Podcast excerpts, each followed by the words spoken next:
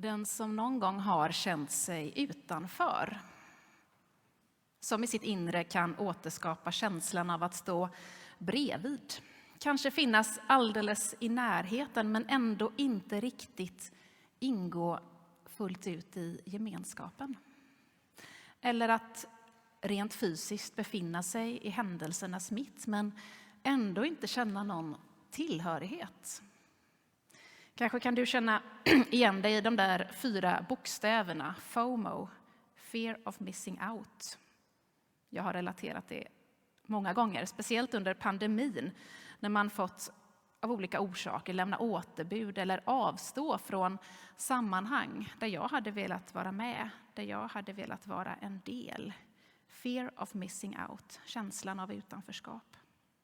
Jag tror alla har känt så någon gång, somliga oftare än andra. Även om den självvalda ensamheten inte ska förringas så ligger det på något sätt i vår mänskliga natur att söka gemenskap och tillhörighet. Det betyder inte att man alltid vill ha folk omkring sig. Men oavsett hur introverta eller extroverta vi är så behöver vi få känna tillhörighet. Känna någon form av gemenskap. Även om det kan ta sig uttryck på olika sätt för olika människor. Gud, som i sitt väsen, i sin treenighet själv är gemenskap, har skapat oss till sin avbild. Och som Guds avbild så är vi kallade till gemenskap. Häromveckan var jag i klostret, eller kommuniteten Tessé tillsammans med ett 60-tal ungdomar här från församlingarna i Mölndal. Ehm, varje dag så fick ungdomarna delta i bibelstudium som leds av en av bröderna i Tessé. Och vid ett tillfälle så använde den här brodern bilden av en pall.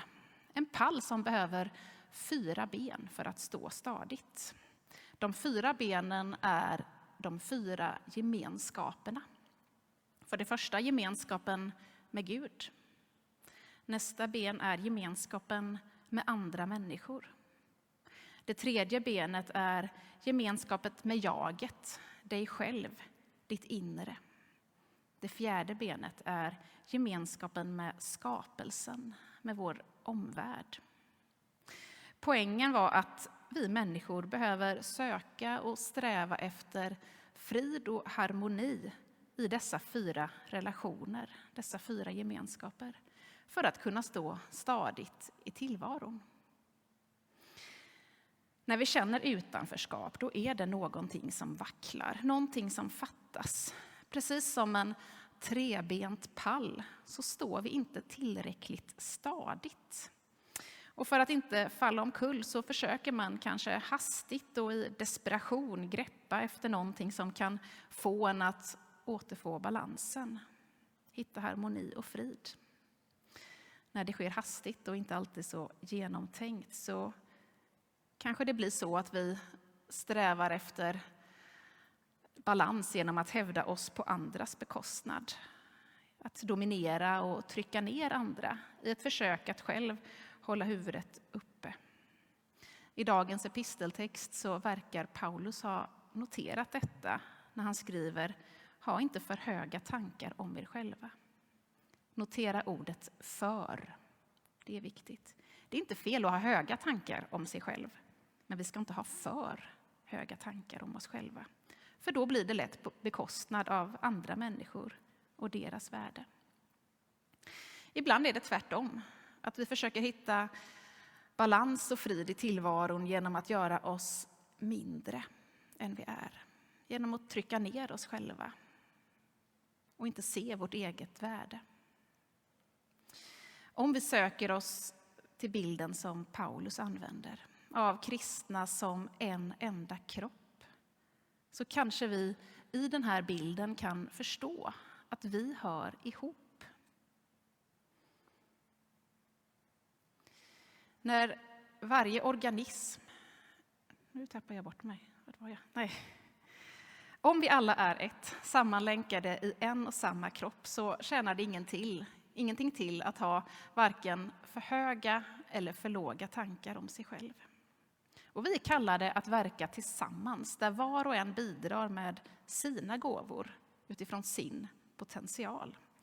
För när varje organism i helheten, i kroppen, bidrar med just sin egenskap, sin funktion, då kan kroppen som helhet inte bara fungera, utan växa. Och då måste vi släppa fram varann och inte ta någon annans roll och funktion. Det gäller att hitta sin egen. Nådens gåvor heter temat. Gåvorna som vi har fått ta emot av Gud. Men vi är inte bara gåvornas mottagare, utan också dess givare. Vår kallelse är att ge vidare vad vi själva har fått ta emot. Profetisk gåva, tjänandets gåva, undervisningens och tröstens. Det är några av dem som Paulus räknar upp. Oavsett vilken gåva vi har så är vi kallade att förmedla dem vidare i de här fyra relationerna, de här fyra gemenskaperna. Tjäna Gud, tjäna skapelsen, tjäna varandra och oss, och oss själva. Det kan ju låta som en jättebra bild det här, men hur fungerar det då i praktiken? Kan vi uppnå den där harmonin, den där totala friden och harmonin? Kan kyrkan, kan Kristi kropp verkligen nå en harmoni där varje pusselbit, varje lem är viktig och behövs? En kropp som också har delar som vi kanske rent av tycker är skadliga och förstör. För visst kan vi ibland, eller kanske ofta till och med, tycka att kyrkan, eller vilket sammanhang det nu kan vara, hade klarat sig bättre utan vissa delar. Hur kan vi, vi kan se hur andra människor skadas och bryts ner. Och kanske bär vi själva erfarenheter av att skadas och brytas ner på grund av någon som tycker sig agera helt rätt och riktigt själv. Hur gör vi då? Och om jag själv, trots att mina goda intentioner sårar andra, hur kan vi hela en kropp som är skadad? Svaret är förstås att vi inte kan göra det, inte på egen hand. Men Jesus uppmanar oss ändå att försöka, att förlåta varandra och på samma sätt själva ta emot förlåtelsen när vi misslyckas. Inte bara sju, utan 77 evighets många gånger. Och här behöver vi Guds hjälp. Jesus uppmanar oss så tydligt i evangelietexten. Be om hjälp. Be om Guds hjälp. Allt vad två eller tre kommer överens om att be om här på jorden, det ska ni, de få av min himmelske fader. Ty där två eller tre är samlade i mitt namn är jag mitt ibland dem. Amen.